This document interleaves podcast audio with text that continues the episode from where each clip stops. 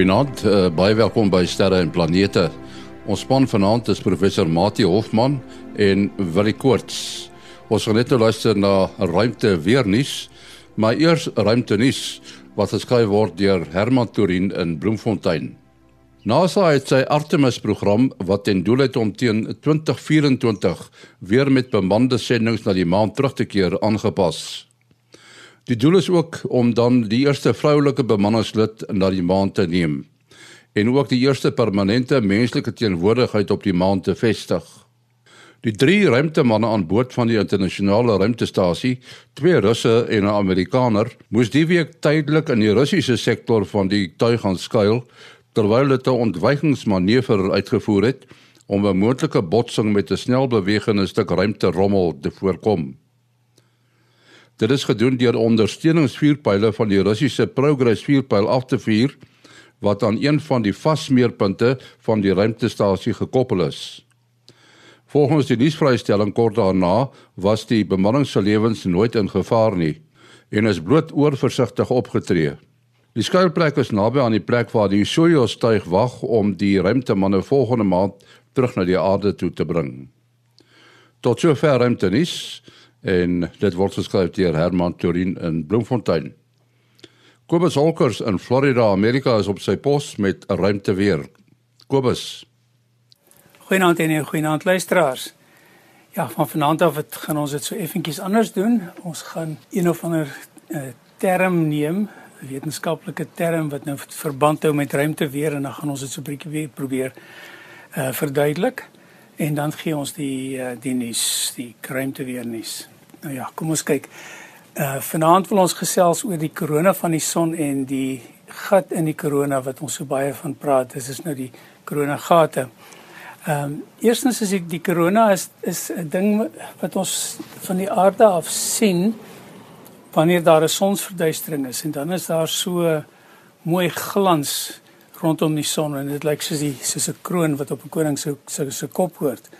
En dit is dan nou die korona, maar hierdie korona gaan reg rondom die son, 360 grade reg om. Is 'n baie interessante plek. Ons weet bitter min wat daar aangaan en hoekom hy so warm word. Hy is vreeslik warm. Uh oor die ver oor die miljoen grade Kelvin of Celsius.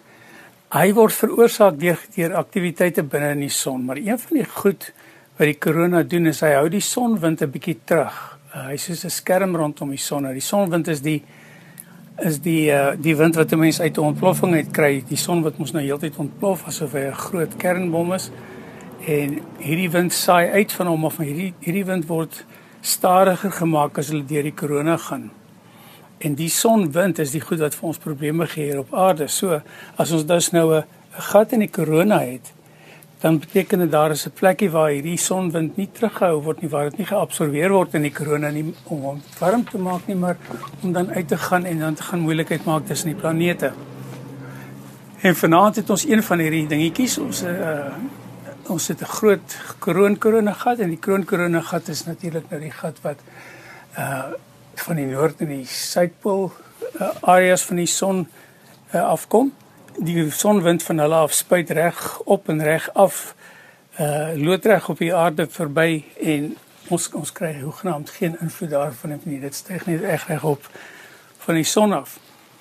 Die ander koronagatjies wat ons nou uit hierdie week is is wel geo-effektief. Nou wat beteken geo-effektief? Geo-effektief beteken dat wanneer hierdie gat in die in die son nou op 'n sekere plek bereik dan sal die dinamika van van hierdie uh, van die beweging van die son en van die magneetveld en alles sal dan nou sorg dat as hy op 'n sekere plek kom dan kan hy ons hier op aarde beïnvloed. Dan kan hy ons in ons magneetveld vaswaai en hy kan vir ons uh, moeilikheid gee met elektrisiteit en die soort van ding. So ons het nou twee van die kroon ag van die groot gewone koronagate op die oomblik. Een van hulle is in 'n posisie waar hy reeds verlede donderdag begin het om om geo-effektief te wees. Uh ons mense wat langafstand radiokommunikasie doen sal reeds van hom af weet die agtergrond is 'n bietjie raserig. Hy het 'n maatjie wat agter hom volg om die son ons nou roteer en is ek uh, kom die ding ook eintlik in plek. Hy is op die oomblik is hy so net oor die rand van die son maar teen Dinsdag, Woensdag se koers gaan hy ook geo-effektief wees en hy is heelwat groter Uh gelukkig is hy noordgerig en hy gaan dan ook die aarde se magneetvelde bietjie indruk en die aarde se skerme bietjie meer intens maak. Ons sê dankie aan Kobus Olkers wat uh, vir ons die ruimte weer behartig. Ons het uh, al in sterre en planete voorheen met Dr. Nick Erasmus gepraat van die SAAO. Nou Nick uh, loop deesdae met 'n taamlike breë glimlag rond want as jy elke hier jy en Jan Rapp en sy maat wat 'n uh, komeet na hom vernoem word nie. Uh vertel ons die storie. Uh, die, ons weet nou jy's 'n komeetjagter of is jy maar iemand wat na die naghemel kyk en hoop jy sien iets? Hoe werk dit presies? Nou nee, ek um, kyk nie spesifiek vir komete nie en ek kyk ook eintlik spesifiek vir asteroïdes nie. Ehm um, maar ek is ehm um, deel van die Atlas program. So um, ons het laas keer gepraat oor die Atlas teleskoop. Dit is nou 'n uh, volledige ehm um, robotiese teleskoop wat heel heeldag net soek vir ehm um, asteroïdes. Ehm um, maar natuurlik ehm um, die die algoritmes wat die asteroïdes in die in die beelde ehm um, voorsoek ehm um, hy hy tel baie keer uh, wat ons in Engels noem false positives. So dis goed dat ek dink is 'n asteroïde maar is nie heeltemal seker nie. So ehm um, 'n mens moet dan ehm um, na die na die beelde kyk en kyk jy weet is dit nou 'n asteroïde of is dit nie. En dis nou wat gebeur het donderdag is ehm um, een van hierdie beelde het opgekom wat die wat die algoritme gedink het is 'n asteroïde. So ek het daarna gekyk en gesê ja nee, dit dit is iets wat beweeg, so dis definitief iets. Maar toe ek nader kyk na die beelde, toe sien ek maar wag 'n bietjie, ehm um, hierdie ding is nie heeltemal skerp soos die sterre in die beeld nie. Dis uit so 'n bietjie van 'n koma. Ehm um, en dis toe ehm um, ek besef het wel hierdie is hierdie is dalk dit is definitief 'n komeet.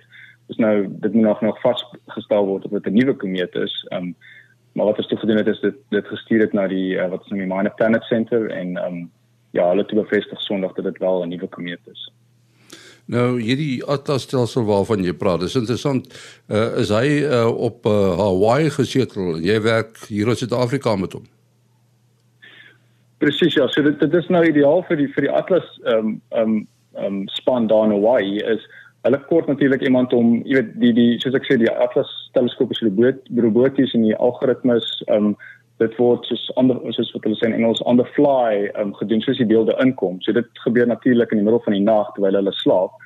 So ons uh, 12 ure um tydsone verskil is is ideaal. So terwyl ek werk in die dag hierso kan ek dit in die agtergrond uh, monitor. Um so ja, dit dit dit werk ideaal uit. En nou natuurlik is die Atlas teleskoop wat um, in Suid-Afrika um gaan kom die einde van die jaar of begin van volgende jaar dan gaan dit nou die teenoorgestelde wees. Hulle gaan nou daai uh, tel, ons teleskoop monitor in die dag um terwyl ons slaap in die aand. Nou kon jy al vasstel hoe die uh, die komeet se baan lyk? Ja, so ek het 'n bietjie gekyk vanoggend en die die die die baan is nog 'n bietjie onseker. Um my lyk um baie soortgelyk aan toe ons laas keer gepraat het en dit toe was daar die Atlas wat was dit uh 2019 Y4 Atlas wat wat naby gekom het. Net ons daar daar daar baie helder komeet wat wat Atlas ook ontdek het.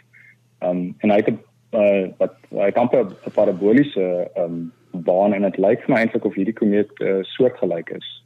So ek het gekyk sy hy hy hy sal uh, ons sal nou sien vir vir 'n paar maande en dan sal ons uh, seker nie weer sien vir 'n paar duisend jaar nie.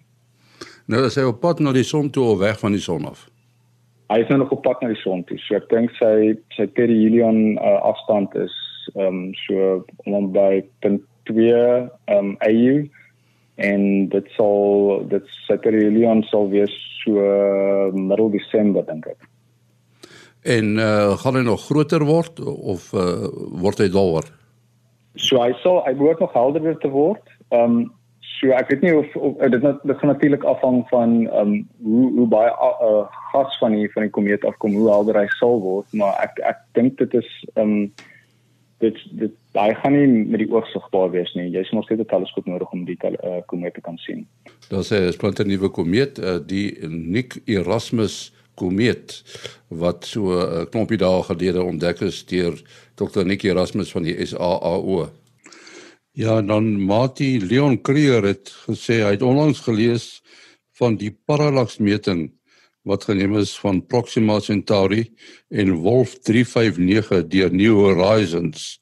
Uh dit is uh, op 41 astronomiese eenhede in die Kuiperbelt. Sê dit maak nuwe vistas oop vir ruimtemanne wanneer hulle sterre gebruik om hulle koers te pyl. Uh hulle gebruik nogal sterre. Ek dink een van die sterre wat wat ons al van gepraat het uh wat die ene is dit wat die uh die ene wat so skuins weg lê van van Orion af. Canopus. Ja, Canopus is die tweede helderste ster en hy is taamlik ver suid. Hy is 'n belangrike ster vir navigasie, nie die enigste een nie.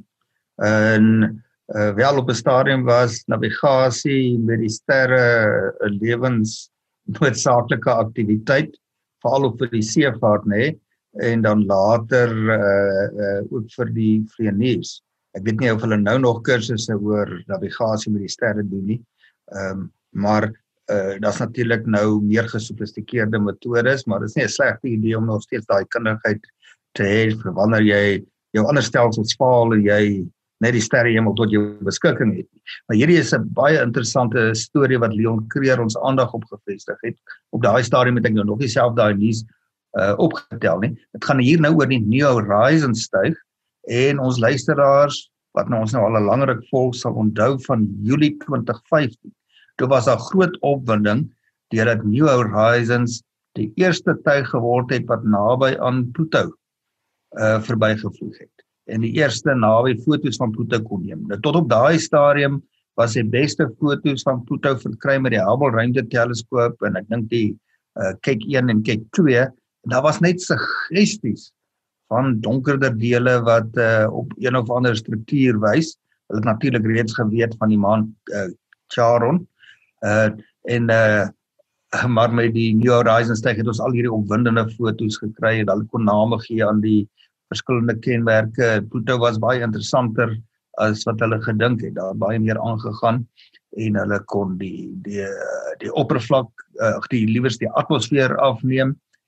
En dit was nou 'n storie wat nou eh, 'n uh, bewys is van aanhouer wen dikwels die uh, projekleier van daai projek Alan Stern het oor 'n tydperk van jare dink iets so 6 keer aansoek gedoen vir die fondse vir hierdie projek. Nou Pluto was nou nie die hoogste prioriteit nie. Uiteindelik uh het hulle die fondse gekry en dit was 'n hoogs suksesvolle projek. En nou en uh New Horizons nou daar by Pluto verby is, het hy nog het hulle kon hulle sy baan nou klein bietjie aanpas om by 'n uh, uh Kepler belt voorwerp verby te vlieg en van naby af uh af te neem. En nou op 'n afstand van 41 astronomiese eenhede soos jy genoem het.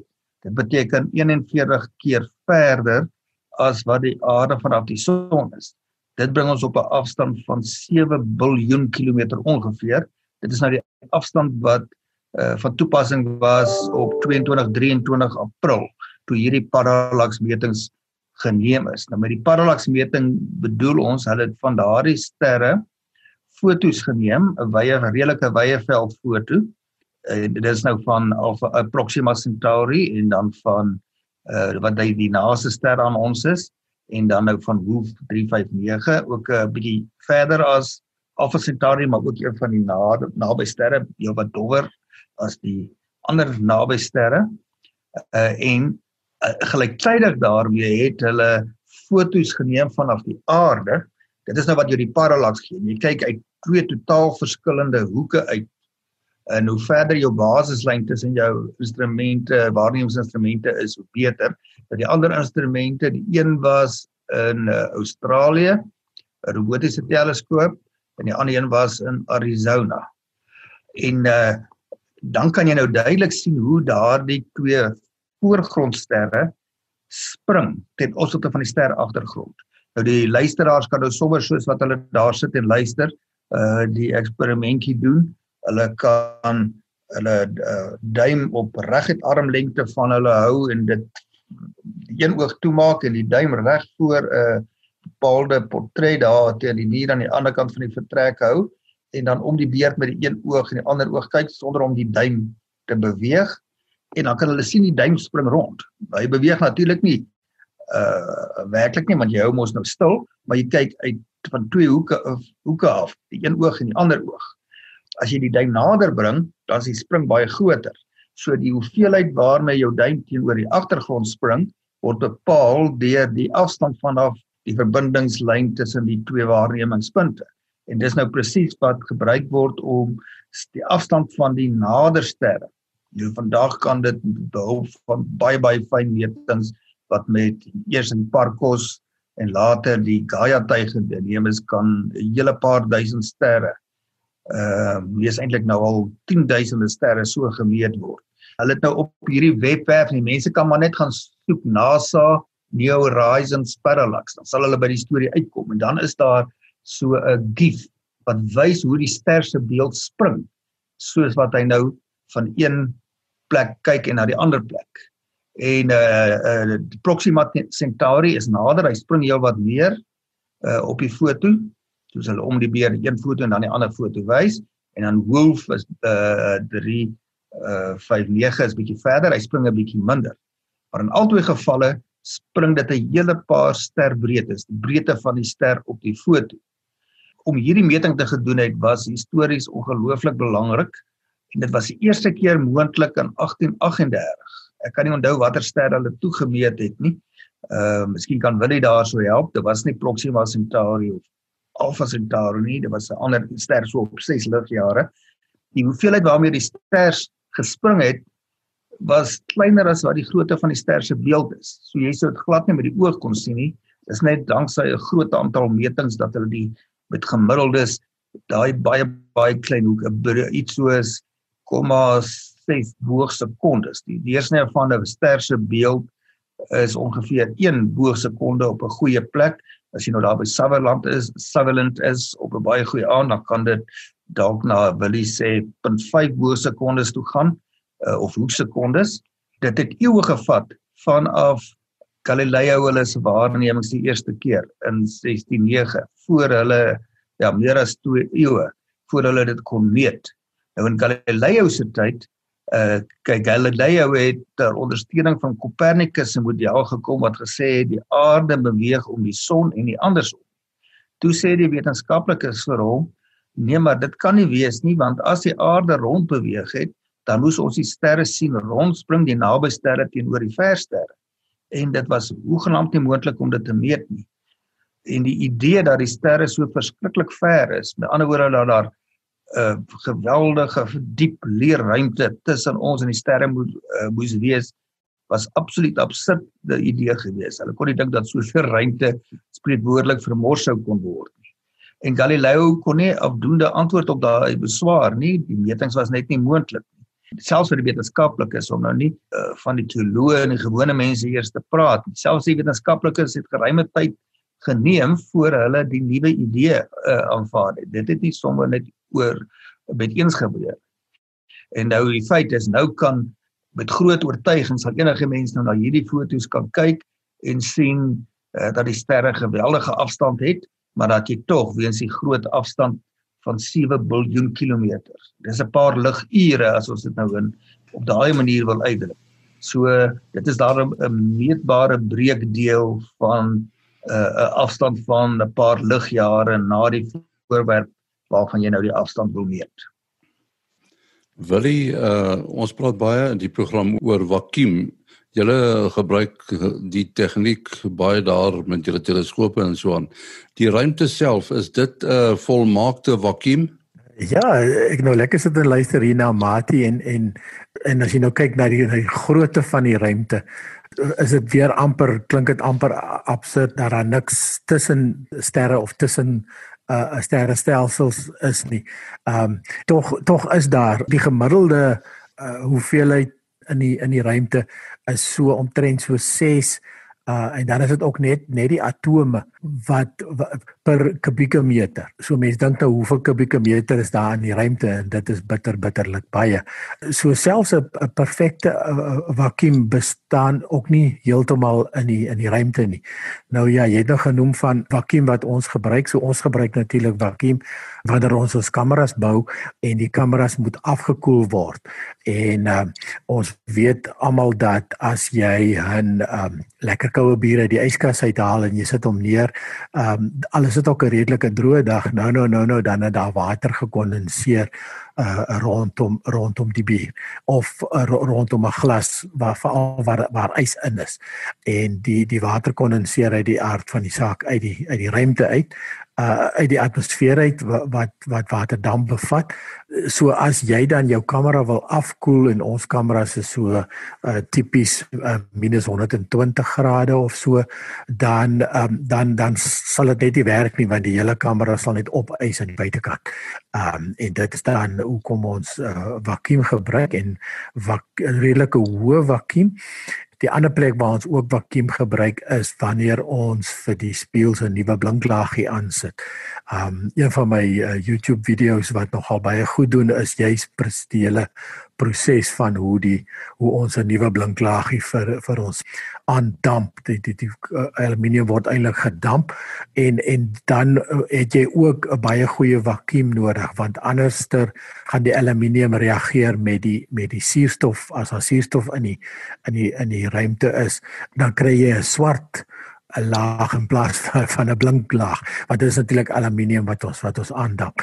Ja, so eh, tipies hierdie hierdie ehm um, vakuumpompe wat ons gebruik is 'n bietjie aan die ou kant. Hulle ons pomp oor nag aan die vakuum. Ehm um, die daar by Salt is daar 'n meer moderne stelsel wat so iets soos 4 ure pomp en na, en na dit het jy nog steeds omtrent 'n miljoen uh, uh, atome of molekules in die geval per kubieke sentimeter. So dit klink soos glad nie 'n vakuum nie. Mense dink dan nou ons het al so lank gepomp en en hier is nog so baie. Maar dit het het al intussen heelwat heelwat verminder. So die vraag is ook dan dan ehm um, hoekom is daar dan 'n vakuum in die ruimte? Uh, sal die goed nou nie uiteindelik uh, al die molekules wat daar rond swerf sou hulle nie ergens op 'n plek loop loop loop plak dit nie kan jy maar amper sê. En natuurlik die die die groot rede vir hoekom vakuum in die ruimte bestaan is swaartekrag. Swaartekrag enige iets wat massa het, het het swaartekrag en dit is natuurlik ook die rede hoekom ons atmosfeer hierso by ons bly.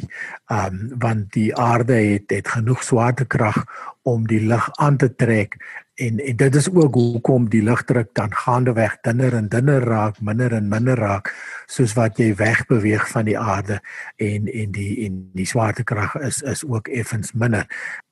So die rede hoekom die, die atmosfeer dan bly by die by die aarde of by 'n planeet sal bly is as as gevolg van die, die swaartekrag. En uh, en dan is dit natuurlik maar oorblyfsels van van die die maar die ons ontstaan van van alles uh die oerknal teorie en alles wat besig is om uit te sit en uh die die die snelheid uh, tempo waarteen die die heelal uitdui is nogal hoog. Dis nogal dis amper die die snelheid van 'n koel van 'n geweer. So die die molekules is erns in op pad maar maar intussen raak raak alles ook groter. So dis eintlik 'n 'n 'n baie groot prentjie wat 'n mens hierso hierso in jou in jou kop vir jou probeer voorstel. Ons 'n bietjie praat oor uh, Jim Adams. Uh, baie van dit nou al gehoor dat uh, Jim en daar in Amerika ingewillig het om deel te neem aan die program as ware Japie van Sail se plek uh, te neem. Uh wie is Jim Adams presies? Vertel vir ons want jy het nou baie met hom te doen gehad. Ja, hy was op 'n stadium hier, wel, hy was al 'n hele paar keer in Suid-Afrika. Ek het hom by een geleentheid uh het ek hom ontmoet wat hy 'n uh, lesing hier in Bloemfontein kom gee het. En uh hy was saam met 'n groepie wat uh, uh wat deur Suid-Afrika getoer het en hy het natuurlik vir Japie uh goed geken. Nou daarso uh, is 'n baie interessante uh, kort of nie so kort nie, maar interessante uh CV uh wat jy mos daar op ons sterre en planete hmm. Facebook bladsy gaan gaan deel het wat ek nou ge, uh, gelees het. Nou hy was by as ingenieur, so hy's 'n ingenieur, hy's nie 'n sterrekundige of 'n fisikus nie. En die ingenieurs is nou mense wat goed moet laat moet laat werk uh hulle kan nie met die geïdealiseerde werklikheid of 'n geïdealiseerde eksperiment werk nie. Hulle werk met die volle kompleksiteit van van die wêreld daar buite. En hy was by vele ruimtesendings uh betrokke en hy het van hierdie sendings wat Japie ook by betrokke was. Ek dink Japie was by meer as 20 ruimtesendings uh betrokke. Nou van die interessante goed wat ek nou van van Jim daar gelees het, dis vir natuurlik altyd by hoe hy nou betrokke geraak uh by die by die ruimtenavorsing en in projekte. Nou hy was nou bevoorreg deurdat sy pa betrokke was. So hy het groot geword binne die NASA omgewing en hy het uh, wat nou 'n groot indruk op hom gemaak het is dat toe hy nou 'n geleentheid op 'n stadium gekry het om een van hierdie ek dink amper dit was Mercury modules wat nou teruggekeer het aarde om binne in een van hulle te kon sit. En dit het nou sy verbeelding as 'n jong kind aangegryp en dis wat hy wou wou doen. Uh as 'n ingenieur en hy was dan nou baie hoog as 'n chief ingenieur uh wat natuurlik nou baie ingenieurs gehad het wat onder hom gewerk het uh in daai uh, CV wat nou op die Facebook bladsy is word nou beskryf dat wat wat dan nou vir hom gevra is maar wat inspireer hom uh to say wel enige mens kan hom inspireer hy's 'n persoon wat luister na uh, mense met goeie idees natuurlik moet nou 'n kundige persoon wees ehm uh, en die passie vir ander mense is iets wat hom inspireer. Hy's natuurlik self 'n persoon met uh met passie en hy hy's nou afgetree by NASA dink in 2016 het hy afgetree maar hy's nog baie uh, betrokke en hy ook om die die die mense uh, die ruimte tegnologie aan die publiek uh, te bemark. Hy's goed op hoogte van al die die nuwe produkte daarvan wat nie net vir basiese navorsing en uh, eksplorasie uh, belangrik is nie maar ook vir toepassings op die aarde. Uh so ek uh, hy sal 'n baie groot aanwinst wees en hy kan nog al is hy nou net vir 'n paar jaar afgetree maar hy kan soos 'n perd se bek sal ons na hom kan uh, kan luister en vir ons is dit nou spesiaal dat hy uh, Japie goed geken het.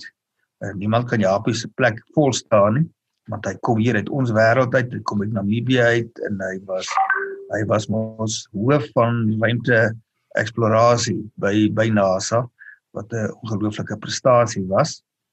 Uh maar ons het in elk geval 'n hoëstaande persoon wat hoë vlakke NASA bereik het wat dan nou uh, ons NASA kan luister. Uh en vir my en Willie is dit altyd lekker om ook baie keer die vrae te kan vra. Uh want ons weet baie dinge glad nie en uh, daar gaan ons weer ons kans kry. As hy ons moet afsluit, uh wat is jou besonderhede? Ja, telefoonnommer 0724579208.